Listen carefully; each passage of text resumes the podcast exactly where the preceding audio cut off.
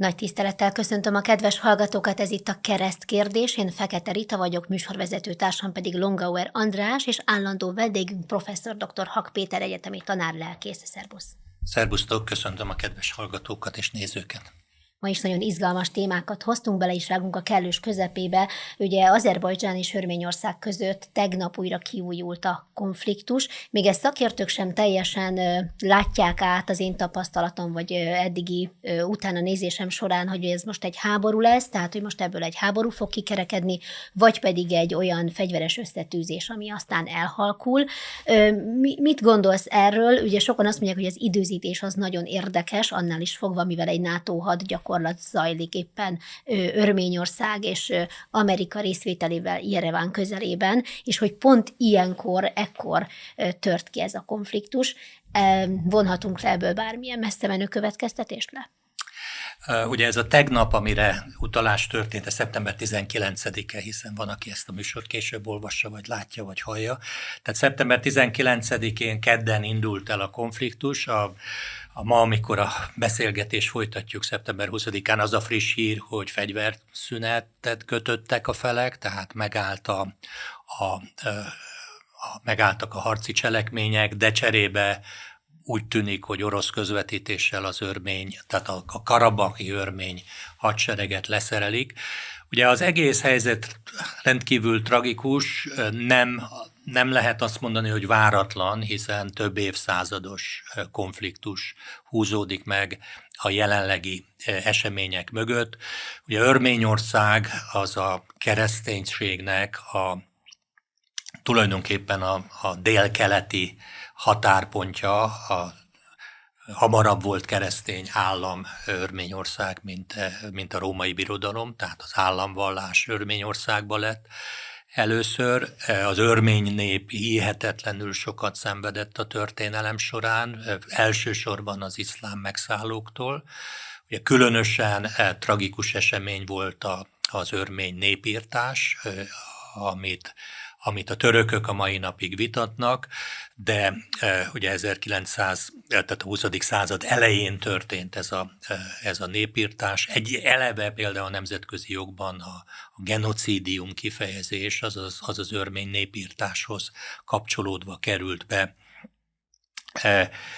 és ezt, ennek a leírása, amik örményekkel történt a török közreműködéssel az lett a nemzetközi jogban a genocidiumnak, a népírtásnak az alap intézménye, vagy alap meghatározása.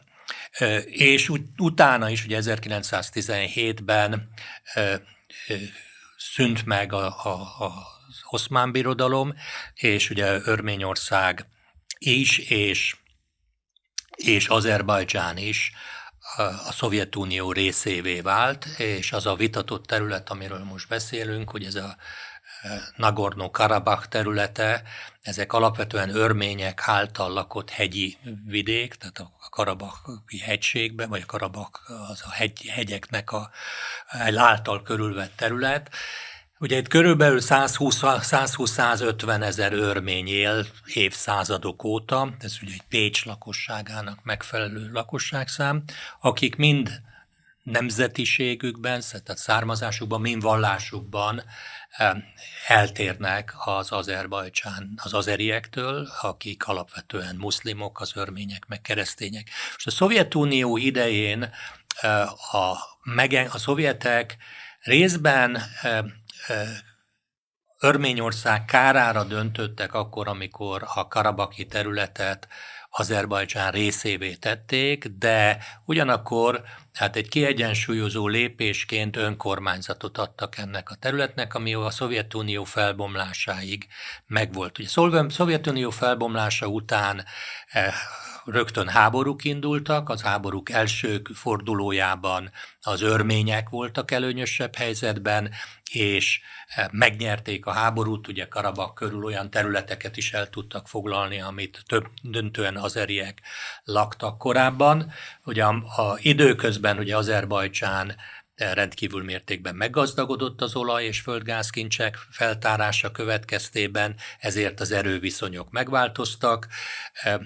Újabb háború tört ki, ugye ez már 21. században, amit végül is az orosz békefenntartók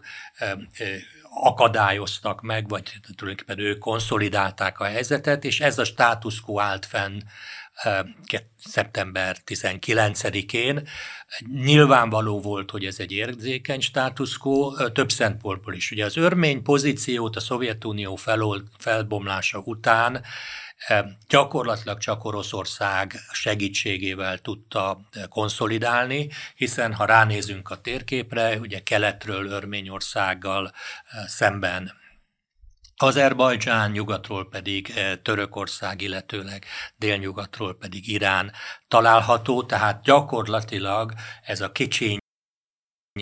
dominánsan keresztény nemzet, ez két erős iszlám állam közé eh, van beépkelődve, a konfliktusban Törökország hagyományosan Azerbajdzsán támogatja, eh, mind katonailag, mind eh, gazdaságilag.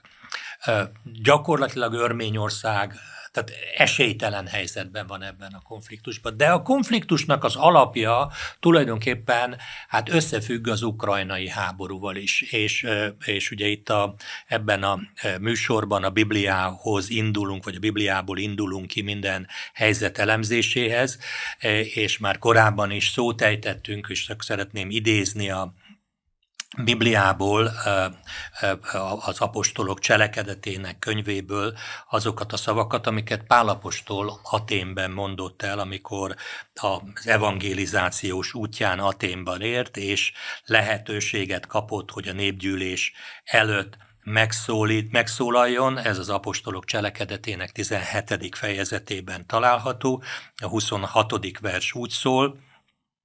hogy és az egész emberi nemzetséget egy vérből teremtette, hogy lakozzanak a földnek egész színén,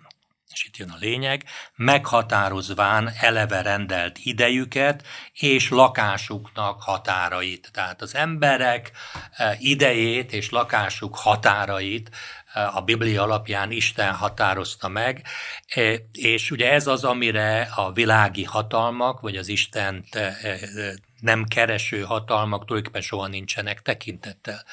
Ugye a helyzet azért hasonló, mert földrajzilag kétségtelenül Azerbajdzsánon belül elhelyezkedő területen van egy 120-150 ezer fős, homogén, mind nemzetében, nemzetiségben, mind kultúrájában, mind vallásában lényegesen eltérő közösség, hogy ezzel tud-e az e-világ valamit kezdeni. Ugyanez a helyzet egyébként ugye a Krímfélsziget tekintetében is, nagyon-nagyon hasonló a helyzet egy kicsit más lakosság arányok tekintetében az egész Dombasszi területben, tehát a, ugye azok a, azok a részei Ukrajnának, amelyek, amelyeken a harci cselekmények most zajlanak, ezek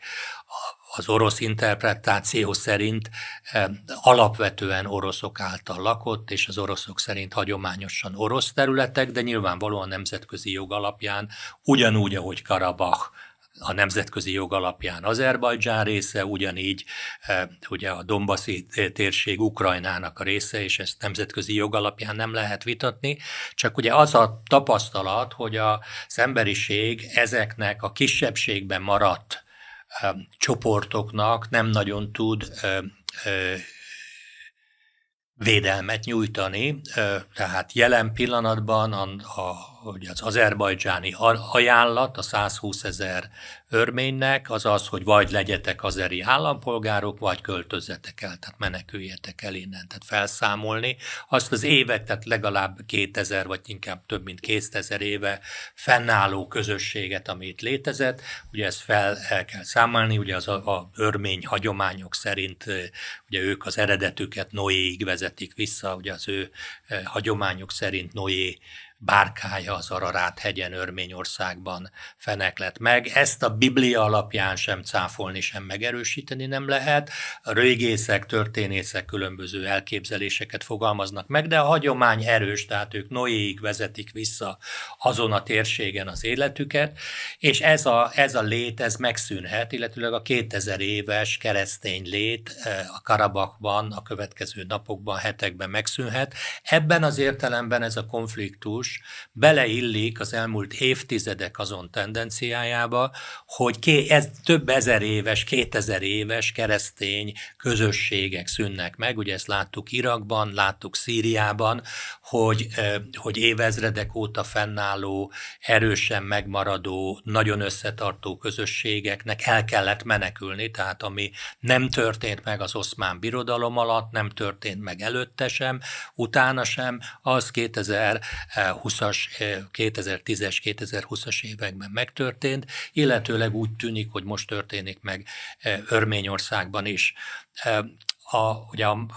a, az ügy azért is érzékeny, mert látható egy világtendencia, a korszellem látható, hogy gyakorlatilag a nemzeti kultúra, a nemzeti identitás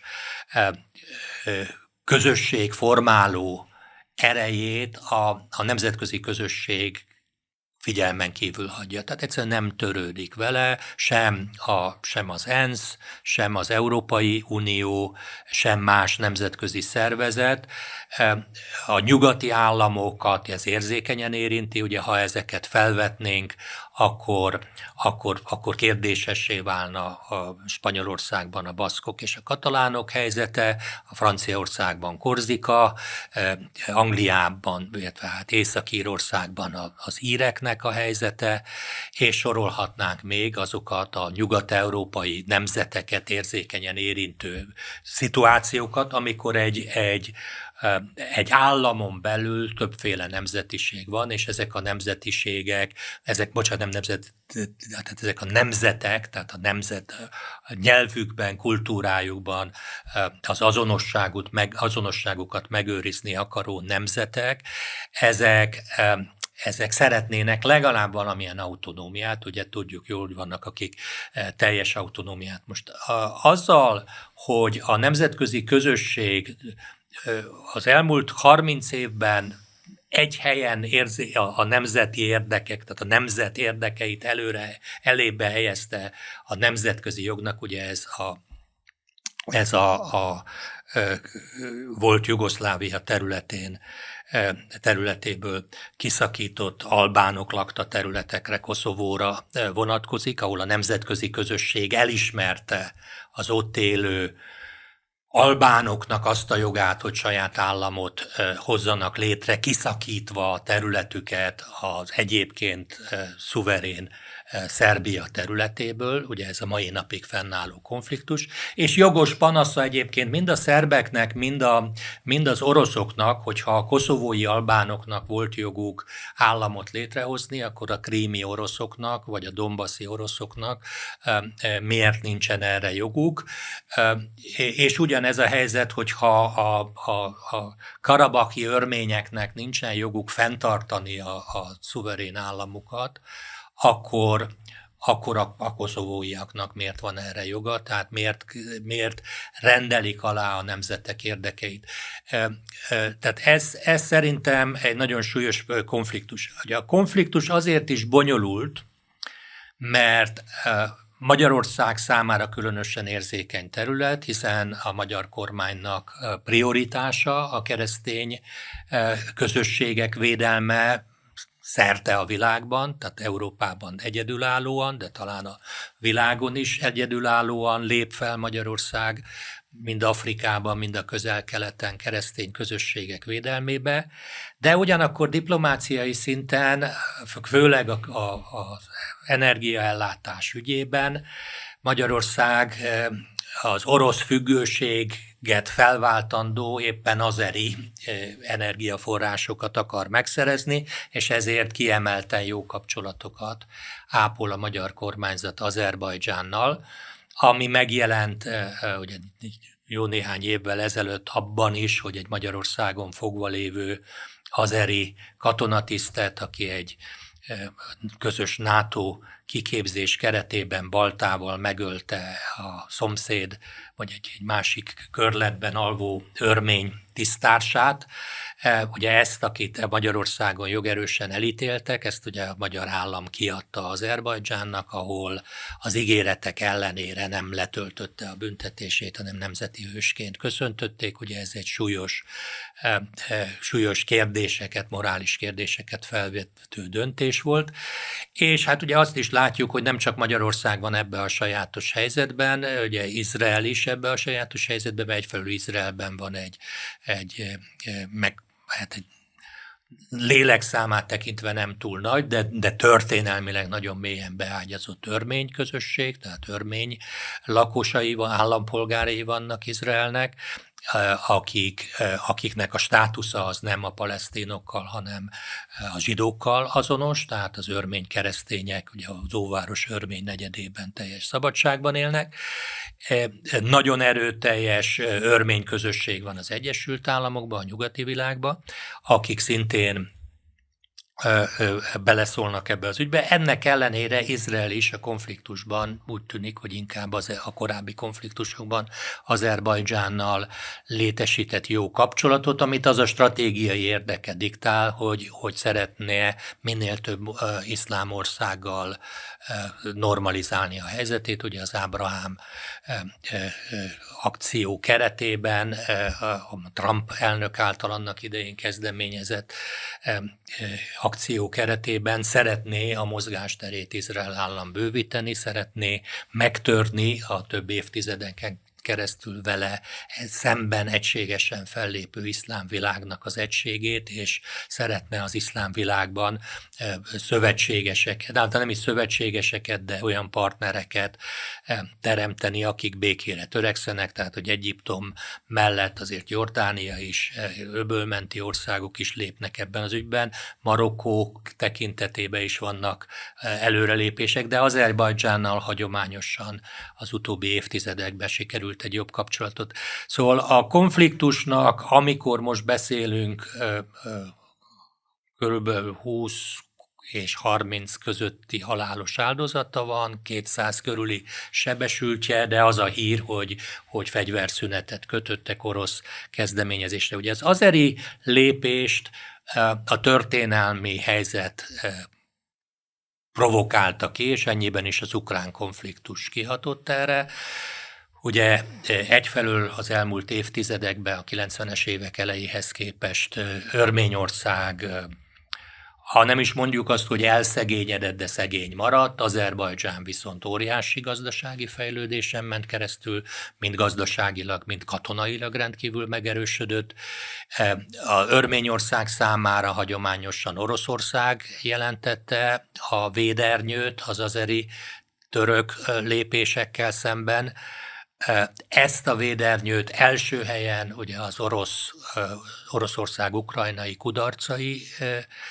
kérdőjelezték meg. Most a kudarc alatt azt értem, hogy, hogy, hogy nyilvánvalóan az orosz hadsereg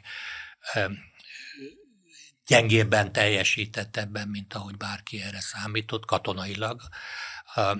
És, és Oroszország értelemszerűen most le van kötve az ukrajnai konfliktussal nem tud csapatokat felszabadítani Örményország védelmére, tehát jelenleg egy körülbelül, ha jól tudom, ilyen ezer fő körüli orosz békefenntartó kontingens tartózkodik eh, a térségben, akik a, az Örményország és a Karabaki térség közötti mozgást próbálták, vagy próbálják fenntartani, illetőleg a civilek életét védeni, de, de és próbálnak békét teremteni, tehát látható, hogy ez megtörtént, de, de azt kell mondanom, hogy a realitásokkal számolva az örmény karabaki létnek lehet, hogy az utolsó napjait látjuk. Említetted azt, hogy ugye a magyar kormány is egy dilemmával néz szembe itt az örmény azéri konfliktussal kapcsolatban. Szerinted van ebben morálisan jó politikai döntés, hogy mégis hogyan lehet ilyenkor a kapcsolatokat fenntartani, és megfelelni annak az elvárásnak, amit egyébként saját magunk elé állítottunk, vagy a politikától ne várjunk morális megoldásokat? Hát ez egy nehéz kérdés, mert, mert nyilvánvalóan a, a minden döntésnek van morális értéke, tehát a döntések vagy morálisan védhetők, helyesek, vagy nem védhetők, de kétségtelen, hogy a, a nemzeti érdekek, vagy a gazdasági érdekek, azok adott esetben ö, ö, szembe kerülnek, a, szembe kerülnek ö, a morális megfontolásokkal. Tehát most jelen pillanatban, amikor beszélgetünk, nem tűnik szélsőségesen kiélezetnek a helyzet, de ha ugye az a kérdés, hogy, hogy Magyarország a, a kereszténységet is képviselő Örményország mellett milyen módon álljon ki, és ennek ezért cserébe konfliktusba kerüljön Azerbajdzsánnal, és kockáztassa például azt, hogy Azerbajdzsán Magyarországnak eh, erőfor, tehát energiaszállításában a török áramlaton keresztül segítséget nyújtson, és kockáztassa azt, hogy, hogy török, török, Törökországgal is megromoljon olyan mértékben a kapcsolat, hogy, hogy, hogy azok a gazdasági lépések, vagy a gazdasági kapcsolatfejlődések, amik elindultak az utóbbi évben, megállnak, vagy visszafordulnak. E, ugye akkor ennek a morális döntésnek az árát a magyar lakosság fizetné meg. E, tulajdonképpen hasonló a helyzet az ukrán konfliktussal is. Ugye morálisan e, úgy tűn, vagy legalábbis a nemzetközi jog morálja alapján, ugye Ukrajna az agressziónak az áldozata, az egy nehéz kérdés, és ez egy, éppen vannak, akik vitatkoznak, én ebben nem akarok most állásfoglalni, de vannak, akik azt mondják, hogy, hogy, hogy itt megint csak arról volt szó Ukrajnában, hogy, hogy az orosz, az orosz lakosság, akik, hát mind, akik főleg vallásukban tértek el, talán a, a az ukránoktól, meg nyelvükben, meg valamennyire kultúrájukban, de kétségtelen testvér nemzetekről van szó, hogy ugye Oroszország úgy érezte, hogy a saját eh, eh, lakosait, a saját polgárait eh, hátrány éri, ugye felhívta például a nemrégiben a budapesti orosz nagykövetség egy nyilatkozata is utalt erre, hogy a Szovjetunió felbomlása után 25 millió orosz került Oroszországon kívülre, akik ott maradtak, ahol születtek, ahol már a szüleik is éltek, vagy a nagyszüleik is, de más államnak az állampolgáraik kisebbségi státuszba kerültek. A magyarokra utalva ugye felhívják a figyelmet, hogy Trianon után ezt Magyarország, a magyarság is megtapasztalta, és hogy Oroszország ugye ezért ezeknek az oroszoknak a védelmébe lépett fel, és ezeknek az orosz nemzetiségű polgároknak az életét vagy biztonságát vagy a kultúrájának megőrzését akarta. Most ugye ebben a helyzetben is ugye a magyar állam, vagy a magyar kormány, inkább így fogalmazok, hogy a magyar kormány ugyan minden nyilatkozatában elismeri Ukrajnának a jogát ahhoz, hogy megvédje a területét, de ugyanakkor azt mondja, hogy a, a konfliktusba való direktebb bekapcsolódás, Ukrajnának a közvetlen fegyverszállítás, a, a kőolaj szállítás, tehát az orosz kőolajra, illetőleg földgázra bolykott hirdetése az Magyarországot tönkretenné, tehát hiába mondjuk azt, hogy morálisan lehet, hogy helyesebb döntés lenne támogatni Ukrajnát, vagy leállítani. Ugye a nyugatiak is számon kérik Magyarországtól, hogy miért nem állítjuk le az oroszoknak történő kifizetést. Ugye a kifizetést azért nem állítjuk le, mert a gáz meg a kőolajra szükségünk van, azokra meg azért van szükségünk, mert máshonnan nem tudjuk beszerezni, és hogyha az azeriekkel megrontjuk a kapcsolatot, akkor még rosszabb helyzetbe kerülünk, mert az orosz, orosz energiaforrásoknak az alternatíváját jelentheti az azeri. Tehát le, a, a morális döntés ebben az örmény kérdésben nyilván az, hogy hogy Örményország mellé, vagy az örmények mellé kell állni, ugye ezek az örmények ebben a tekintetben ugye nem elfoglaltak területeket, azt egy korábbi konfliktusnál, amit az örmények elfoglaltak, azeriek által lakott területet, azt az azeriek időközben visszafoglalták, tehát amiről most szó van, az körülbelül 2000 éve, vagy még több ideje tisztán örmények által lakott terület, tehát ők nem behatoltak egy másik országra, nem elfoglaltak területeket, és ugye az a félelem, hogy az azeri állam nem fogja tiszteletben tartani az önkormányzatosságukat, az autonómiájukat, ez a félelem nem alaptalan, hiszen évszázados konfliktusban, ellenségeskedésben vannak egymással, és a, és a világnak sokkal inkább a szeme előtt lévő területeken, akár Észak-Írországban, akár Baszkföldön, de akár Erdélyben vagy Szlovákiában a magyarokat, baszkokat, íreket érő sérelmekre sem reagál a nemzetközi közösség, tehát az örmények nem számíthatnak arra, hogy a nemzetközi közösség majd a jogaikat, évezredes jogaikat megvédi. Hát már is hoznám a következő témánkat, de ide még egy nagyon gyors kérdést szeretnék közbeszúrni. Remélem nem térítjük el túlságosan a beszélgetés irányát, de bennem, amikor olvastam az azeri konfliktus újabbi kiújulásának a hírét, akkor az merült fel rendkívül gyorsan, hogy hát megint egy újabb konfliktus.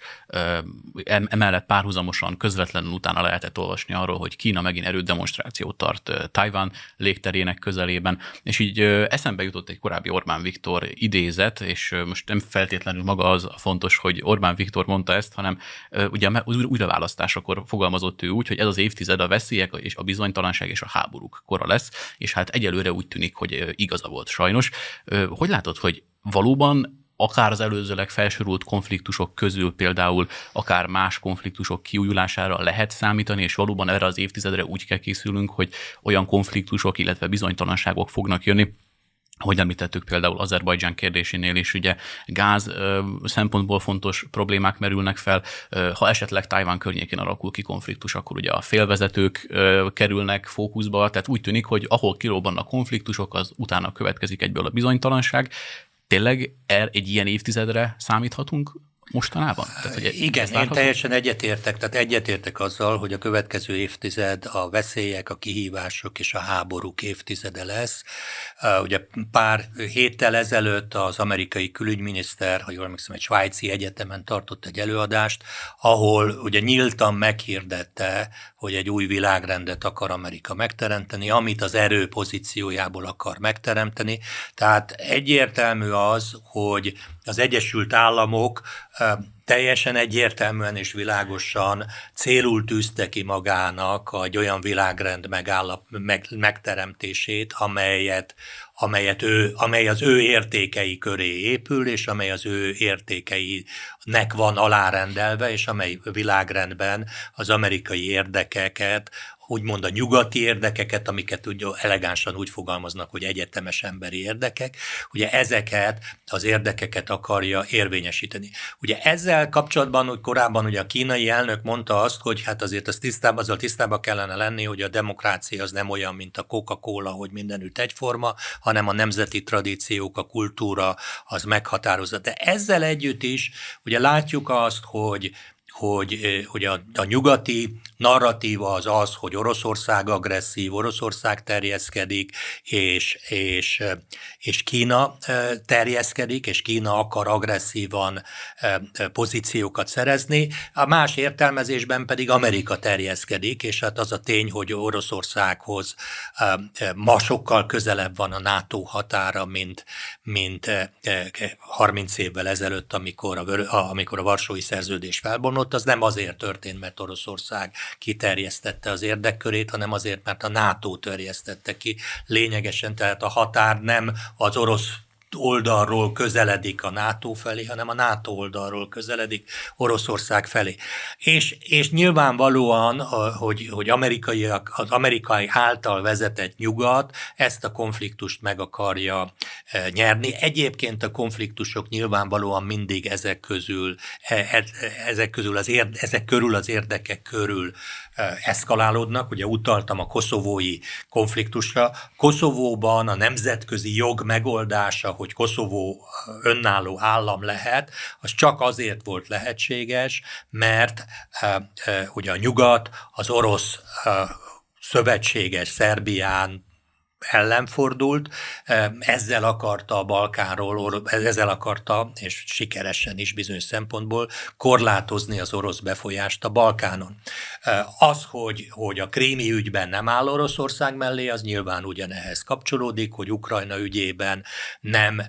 próbál a nemzetközi közösség segíteni. Ugye tehát tíz évvel ezelőtt ugye a Minszki megállapodás ugye arról szólt, hogy próbáljunk egy békés helyzetet teremteni, de utána Angela Merkel el elmondja, hogy hát ő valójában csak időt akartak nyerni. De, ugye Zelenszky elnök most azt mondja az ENSZ közgyűlésen, hogy, hogy ugye Putyinnak és Oroszországnak nem lehet hinni, de a kérdés az, hogy a nyugatnak miért lehet jobban hinni, amikor a Merkel asszony nyíltan megmondja, hogy ők valójában nem akartak megállapodni, csak időt akartak nyerni arra, hogy Ukrajna felkészüljön egy, egy konfliktusra. Tehát itt ebben megint csak bibliai alapon nagyon nehéz igazságot tenni. Az érdekek nyilvánvalóan jelen vannak, és, és tulajdonképpen ezek, ez, azt látjuk, hogy, hogy a világi, a világban, hogy a hatalmak, a birodalmak, a jelenleg még működő birodalmak érdekei összeütköznek.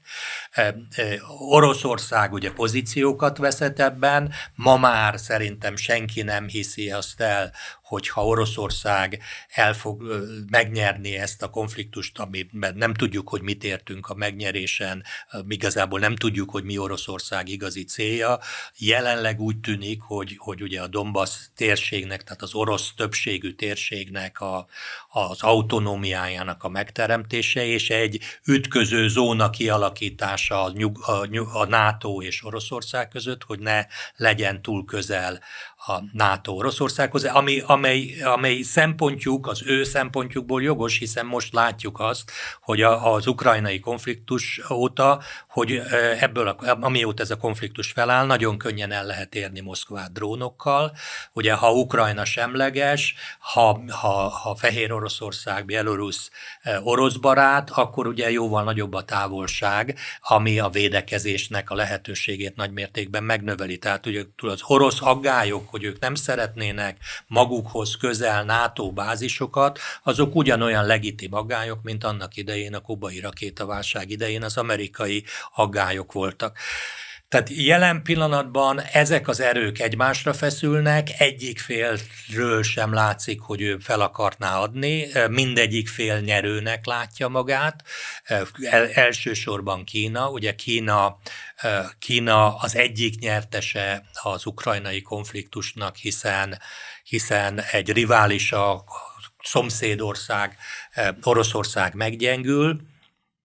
és, eh, és Oroszország felé Kína ki tudja eh, terjeszteni a saját befolyását, tehát abba a vákumba, ami Oroszország meggyengülésével létrejön. Ezért a vákumért folyik a küzdelem egyébként, tehát nyilván a nyugat is azt szeretné, hogy ha, ha mondjuk a putyini rendszer összeomlik, akkor egy nyugatbarát orosz rendszer jöjjön ki. Ezzel kapcsolatban eh, hát azért vannak kérdőjelek. Az orosz rendszer valószínűleg sokkal közelebb áll a kínaihoz, mint a nyugat-európaihoz, vagy az orosz kultúra. De ezek a konfliktusok a világ minden pontján konfliktus források, és szinte azt kell mondani, hogy minden négyzetméterért vagy négyzetkilométerért küzdelem zajlik. Ugye láttuk azt, hogy például kínaiak ugye kikötő befektetéseket akarnak végrehajtani a, a, a földközi tenger térségében, például Izraelben, az amerikaiak ezért nagyon aggódnak, a kínai távközlési cégeket próbálják kiszorítani Európából, a, a, az 5G eh, rendszerek kiépítését sok helyen kínaiak végzik, és ezzel kapcsolatban aggályok vannak. Tehát itt egy hihetetlen nagy erejű gazdasági eh, eh, érdeküsszeütközés van, és hát szinte olyan, mint a földrengés előtti állapotban, hogy feszülnek egymásnak az erők, mind a, mind a két fél győzelmi pozíciókba helyezi magát. És hát tulajdonképpen Kínának például az az álláspontja, hogy ha Ukrajnának joga van a saját területi épségéhez, akkor Kínának is joga van Tajvanhoz, tehát azt a szerintük illegálisan létező államot, ami Tajvanban van, azt ha ha Ukrajna erőszakkal meg tudja védeni a saját területi integritását, ők is megvédhetik. Tehát Tajvan körül bármikor kialakulhat egy konfliktus, és ahogy mondtad, ebbe igazad van, bármelyik konfliktus az, a, az, a, az egyre jobban gazdaságilag összekapcsolódó világrendben egyre nagyobb sérelmeket tud okozni, és ennek az előre látható és a bibliai proféciákkal megelőző következménye, hogy valószínűleg egyre jobban megerősödik az egységes világrend iránti törekvés, hogy ezek a, ezek a, ezek a feszültségek megszűnjenek, és lehet, hogy az emberiségnek lesz egy olyan pontja, amikor lelkesedik azért, hogy egy egységes diktátor irányítja az egész, az egész földbolygót. Hát ha már egységesség iránti vágyakozás, akkor el is érkeztünk a következő témákhoz, ugyanis német-francia reformtervet mutattak be az Európai Unió jövőjéről. Egyszerűsített uniós intézményi rendszer, kisebb európai parlament, a nemzeti vétójogok megszüntetése, ilyenek szerepelnek ebben a tervezetben, és hát a berlini-párizsi paktum négy különböző szintbe sorolná a tagállamokat, hogyha nem sikerülne áttolni az alapszerződések módosítását. Ugye a többsebességes Európa ötlete nem feltétlenül új, viszont talán ilyen jellegű előrelépések vagy valós egyeztetések nem biztos, hogy zajlottak, illetve felmerültek egyébként új ötletek is. Te hogy látod ennek a folyamatnak a kibontakozását, illetve lehetséges-e, hogy előbb vagy utóbb meg fog valósulni egy tényleg több sebességet, vagy több integrációs szintet megvalósító Európa? Hmm. Ném, némileg félve hivatkozok én megint Orbán Viktor idézetre, hogy ő megmondta, ugye sokan támadták ezért a nyilatkozatártért, hogy 50% esélyt lát arra, hogy az Európai Unió felbomlik. Ugye az Európai Unión belül is tulajdonképpen a, a megalakulástól kezdve van egy nagyon erős feszültség. Tulajdonképpen akik az Európai Uniót létrehozták, működtetik, fejlesztik, két irányba látják az Európa, Európa megerősödését. Ugye közös érdek, hogy megerősödjön Európa, zárójel nyilván mind a két fél azt mondja, hogy ha a másik elképzelése valósul meg, akkor azzal meggyengül Európa, mert mindenki meg van győződve, hogy a saját álláspontja az, ami Európának a jövőjét és a sikerét biztosítja. De ezek a, ez a két álláspont már az alakuláskor benne volt az Európai Unió megalakulásában. Az egyik álláspont az Európai Egyesült Államok létrehozása, ugye ezt Churchill fogalmazta meg annak idején, hogy az Európai Egyesült, tehát az Amerikai Egyesült Államok mintájára egy gazdasági és politikai egységet kell létrehozni Európában, létre kell hozni ugyanúgy, ahogy az Egyesült Államokban van egy kétszintű igazgatási rendszert, ahol ugye az USA-ban az állami és a szövetségi igazgatás elkülönül, a szövetségi kompetenciába tartozik a külügy és a hadügy, tehát az egyes államok az USA-ban önálló külpolitikai politikát nem folytathatnak, nincs is külügyminiszterük az egyes államoknak, se Kaliforniának, se Texasnak, sem a többi tagállamnak, a, a, tehát a külpolitikát és a hadügyet is központilag szervezik, tehát az egyes államokban ugyan van nemzeti gárda, de az külföldön nem bevethető, az Egyesült Államok hadserege az egy szövetségi szervezet, és akkor ugyanígy a rendőrségi szinten, ugye szövetségi bűnüldözési szervek, ebben az FBI, az alkohol, kb, alkohol, dohány, forgalommal kapcsolatos szervek, ugye szövetségi büntetőjog, szövetségi ügyészek, szövetségi bírók, és léteznek párhuzamosan az államiakkal. Az egyik vízió Európával ez, Ugye akik ezt vitatják, azok azt mondják, hogy ezt a víziót egy tulajdonképpen szervesen növekedő országban, ahol mindenki szinte tiszta lappal indul, ezt meg lehet teremteni, de egy mélyen kulturális, nyelvi szinten megosztott Európában erre nincsen esély. És hát ugye szoktuk is mondani, hogy miközben olimpiákon, sportversenyeken, de már politikai rendezvényeken is látjuk az amerikaiakat, akik nagyon lelkesen eh, skandálják, hogy USA, USA. Eh, nagyon-nagyon nehéz elképzelni egy olyan jelenetet, amíg a tömeg azt kiabálja, hogy EU, EU. Szóval eh,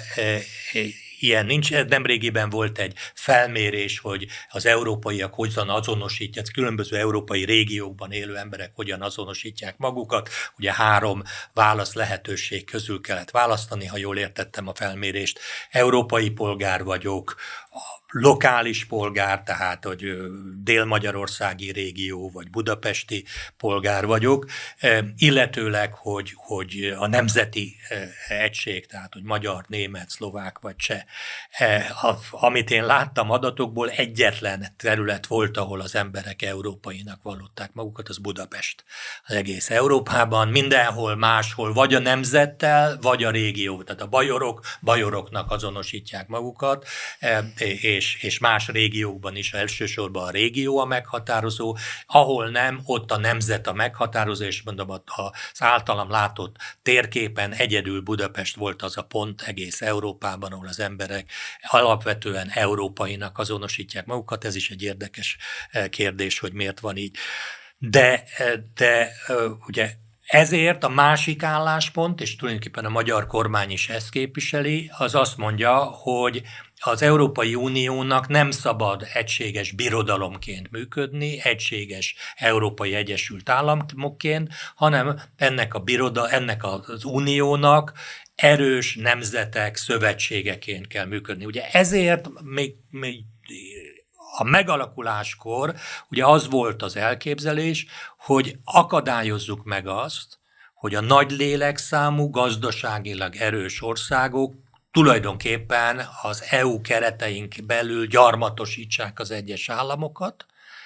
Ugye akik most az Egyesült Európának a hívei,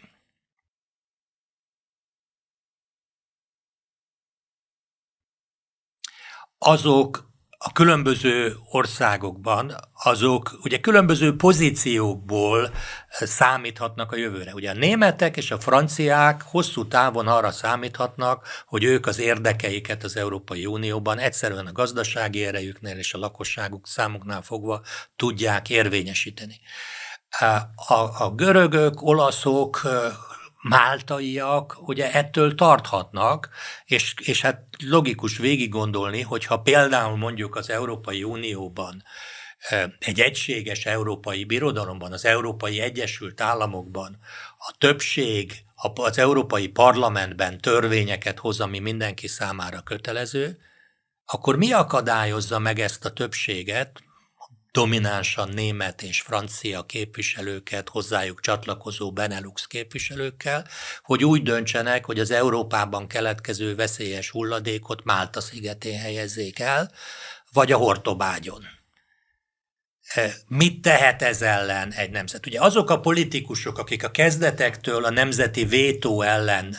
e, vétó mellett szólaltak fel, azok azt mondták, hogy az ilyen lépéseket csak az egyhangúsági követelmény tudja megakadályozni, hogy legyen egy olyan fórum, ahol a legfontosabb döntések születnek, ahol Málta le tudja szavazni egész Európát vagy Magyarország le tudja szavazni egész Európát. Tehát az, az egyhangúsági döntés, amit közkeletű néven e, vétójognak neveznek, ez az egyhangúsági döntés követelménye a nemzetek védelmébe született. De ez nem azt jelenti, hogy akik, akik az egységes Európát akarják, akik az Európai Egyesült Államokat akarják, azok feladták a terveiket. Ugye ez, kísérlet volt a 90-es években az európai alkotmány elfogadásába. Ugye az európai alkotmány tulajdonképpen az egységes Európa felé tett lépés volt.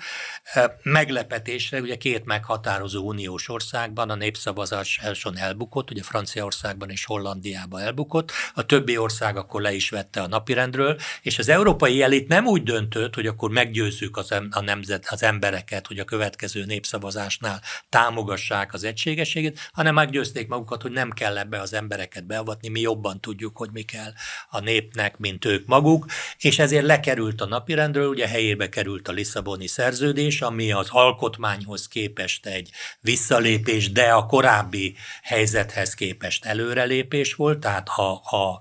a birodalomépítők szempontjából előrelépés volt, növelte a, a Brüsszelnek a hatalmát a nemzeti kormányokkal szemben, és ez az el, előterjesztés, amit Macron és a, a, tehát a franciák és a németek most tesznek, ezt akarja megtenni, tulajdonképpen megzsarolva az államokat, hogyha nem lépsz bele ebbe a szoros szövetségbe, nem adod fel a szuverenitásodat teljesen,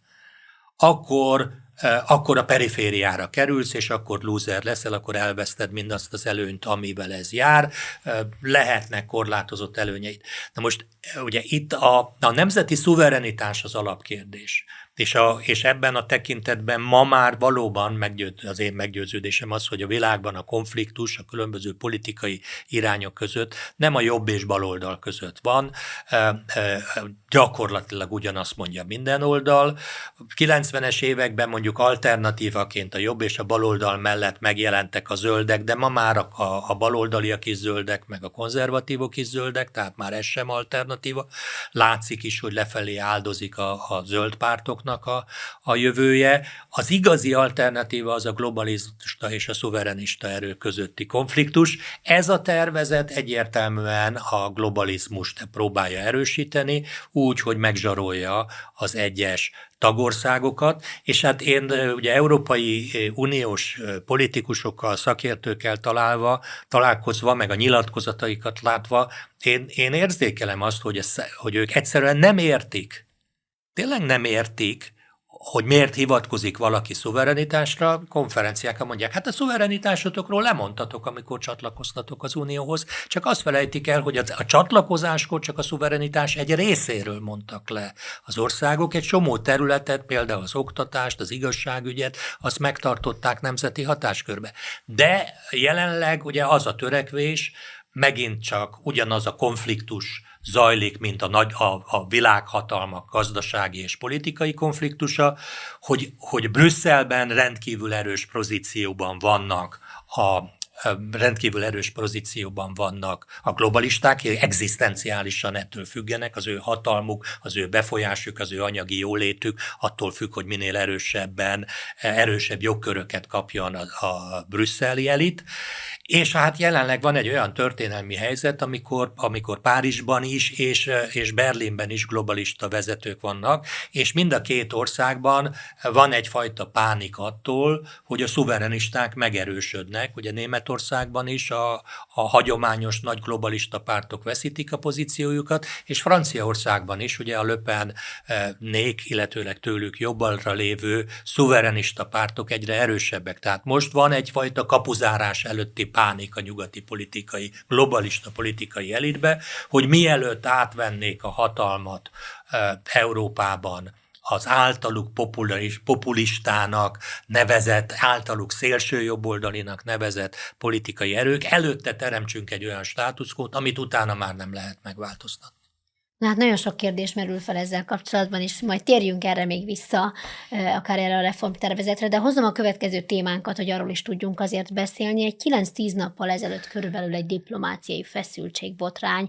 van ö, folyamatban Izrael és Ukrajna között, iz, illetve Izraelben ez belpolitikai vihart is zavart, mert ugyanis az történt, elmesélem egy picit a történetet gyorsan, hogy ugye Rosh Hashanakor az izraeliek ezrei vesznek részt az éves umáni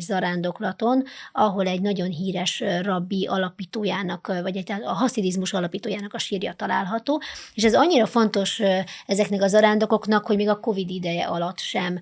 állt ez meg, hanem akkor is kiment lettek. Na most ugye Ukrajnában van ez a város, Umán, és Benjamin Netanyahu úgy nyilatkozott ezzel a zarándok tervel kapcsolatban, hogy ez nagyon veszélyes, az embereknek tudniuk kell, hogy veszélynek teszik ki magukat, illetve azt is mondta, hogy túl sok zsidó vér folyt már Európában, hogyan lehet ilyen kockázatot vállalni, illetve olyat is mondott, hogy nem mindig védte meg Európa a zsidókat, Ukrán földön sem. Na, hát nem, ez... nem Európa, hanem Isten. Isten. Itt Isten nem mindig védte meg. Igen, igen, igen. Ja, igen, igen, igen. Én itt egy Ez... zsidó oldalról olvastam, és itt ugye másképpen. Ki, ki van hagyva így van, igen, igen, betű, igen. Igen. Um, valóban ez egy nagyon nagy konfliktus. Előre kell bocsátanom, hogy um, ugye az, ort, az ultraortodoxok vallási hagyományainak az a lényege, hogy ők tényleg elsősorban a saját vallási szokásaiknak engednek. Én ugye nem akarok ebben állást foglalni, hogy ezek helyesek-e vagy sem. A Bibliában, az Új Szövetségben nyilvánvaló az, hogy, hogy a síroknak a tisztelete az nem feltétlenül a keresztények számára követendő, tehát hogy a síroknál való imádkozás az, keresztényeknek nem, de a, a ortodox zsidóknak ez a vallási hagyománya, és ahogyan említetted is, ezt semmi nem tudja megakadályozni. Ugye jelenleg részben a városnak a ukrán vezetői tették szóvá, hogy, hogy hát folyamatosan támadás, rakétatámadások érik a várost, és még a helyi lakosoknak sincs elegendő óvóhely, az odaérkező, odaérkező zsidó zarándokok így közvetlen életveszélybe kerülnek. Az ukrán állam nem tudja garantálni a védelmüket és a szabadságukat, és ugye ebbe kapcsolódott be az izraeli miniszterelnök, aki a saját állampolgáraiért érzett felelősségből, ugye fel akarta szólítani őket, hogy ne tegyék ezt meg. Én személy szerint rendkívül mértékben tisztelem Netanyahu miniszterelnököt, az Izrael történetének egyik legnagyobb formátumú politikusának tartom. Ő meggyőződéses és nagyon sikeres szuverenista, tehát ő nem egy globális világot akar. Sok, amiket képvisel, azokkal döntően egyetértek, tehát amit most mondok, azt, azt nem egy általános kritikaként fogalmazom meg, csak ugye a, egy fontos bibliai parancs jut ilyenkor, tehát tíz parancsolatból egy fontos parancsolat jut az ember eszébe, hogy az Úr nevét hiába felneved. Tehát szerintem minden mondat része fontos volt Netanyahu-nak, amit mondott, kivéve azt, hogy abban állást foglalt, hogy Isten megvédte az zsidóságot, vagy sem. Jobb lett volna ezt a mondatrészt kihagyja, mert, mert mert ez indította el Izraelen belül egy nagyon-nagyon nagy vitát, és, és hát politikailag is visszaüt, hiszen pont a legszorosabb szövetségeseivel, ugye a vallásos pártokkal került konfliktusba, és, és hát pontosan egy olyan időszakban, amikor amúgy is nagyon sok oldalról támadják őt, és amikor a saját politikai tábornak az egysége az fontos lett volna. Nyilván egy másik bibliai mondat is, Salamon bölcsessége is az embernek eszébe jut, hogy a sok beszédben elmaradhatatlan a vétek, tehát aki politikusként sokat nyilatkozik, az mondhat rossz mondatokat. Ugye abban a kérdésben szerintem most nem érdemes nekünk belemenni, ezt bízzuk a zsidó barátainkra, hogy most megvéte Isten Izraelt, vagy nem, de de azért sok mindenre rámutat ez a vita. Ugye rámutat arra, hogy, hogy ugye a vallásos zsidók, ők teljesen meg vannak győződve abról, szerintem helyesen, hogy Isten mindenható, mindentudó, mindenütt jelenlevő személy, akinek van önálló akarata, önálló értékrendje, és a mi feladatunk, hogy ehhez igazodjunk. És arról is meg vagyunk győződve, hogy Istennek a képességei azok nem korlátozottak, tehát nincs olyan eh, képessége, nincs olyan dolog, ami, ami lehetetlen lenne, azt mondja az ige is, hogy Isten számára minden lehetséges. Ugye az a megfogalmazás, ami, amivel az európai történelemben akár a a, a pogromokat, akár a gettókat, amiket hát ugye jóval megerőzték a hitleri Németországot, akár ugye az ukrajnai pogromokat, akár a, a, a Soának, a holokausznak a borzalmait úgy értelmezi, hogy, hogy akkor Isten nem volt, nem, nem nyújtott védelmet Izrael számára, Ugye ezzel a másik oldal azt helyezi szembe, hogy a, a, a törvényben, a tórában az van megírva, hogy ha, ha szorgalmasan hallgatsz az Úrnak, a te Istennek szavádra, és megcselekszed minden parancsolatát, akkor ezek az áldások jönnek rád. Ha pedig nem hallgatod meg, és nem teszed meg, akkor ezek az átkok jönnek rá. Ugye a keresztény Bibliákban, Mózes 5. könyvének 28. fejezete eh, eh, tartalmazza ezeket, tehát, hogy a, a, a Tóra alapján is, az Ószövetség és az Új Szövetség alapján is eh, Isten Isten igazságos Isten, és van Istennek haragja. Ugye az új szövetség is mondja, hogy Isten, a Róma levélben, hogy Istennek haragja van azokon, akik, akik vele szembefordulnak. Tehát a vita mögött ez húzódik meg. Egy újabb salamoni bölcsesség, amikor azt mondja, hogy kóbor ebet ragad fülön az, aki olyan vitába avatkozik, ami nem rá tartozik, tehát szerintem nekünk nem feladatunk eldönteni, hogy kinek van igaza, de az kétségtelen, hogy a, ugye a, a, ez ezzel a, az izraeli politikában hát a miniszterelnök valamire, valamennyire rontotta a saját pozícióit, és enélkül a félmondat nélkül, vagy mondat nélkül is értelmes lett volna, és hasznos, és indokolt lett volna az üzenete, hogy megpróbálja lebeszélni, csak hát nyilván van egy határ, amin túl már nem, nem akadályozhatja meg. Ezt, tehát nem, nem zárhatja le a határokat, nem tilthatja el őket. Ukrajna megteheti, hogy nem enged be embereket, de, de e, ezt nyilván ők meg nem akarják megtenni. Tehát ugyanakkor azért keresztények, meg hívők számára azért azzal fontos szembesülni, hogy Isten Isten az hát nem úgy viselkedik, mint ahogy néhányan elképzelik. Isten nem a Mikulás, aki csak azért jön, hogy, hogy csokit osztogasson, hanem Isten egy morális lény, erkölcsi lény, aki aki szövetséget hoz létre a népével, mind Izraellel, mind az egyházzal, és a szövetségen belül a szövetségi együtt lét Istennel az bizonyos feltételekhez kötött, tehát mi emberek nem tehetünk mást, és ugye ha, ha eltérünk Isten terveitől, akkor, akkor szembesülnünk kell ennek a következményeivel. Ez volt már a keresztkérdés. Nagyon szépen köszönjük professzor dr. Hak Péternek, egyetemi tanárnak, lelkésznek, hogy a vendégünk volt. Lungauer András és Jobb Rodén nevében is búcsúzunk.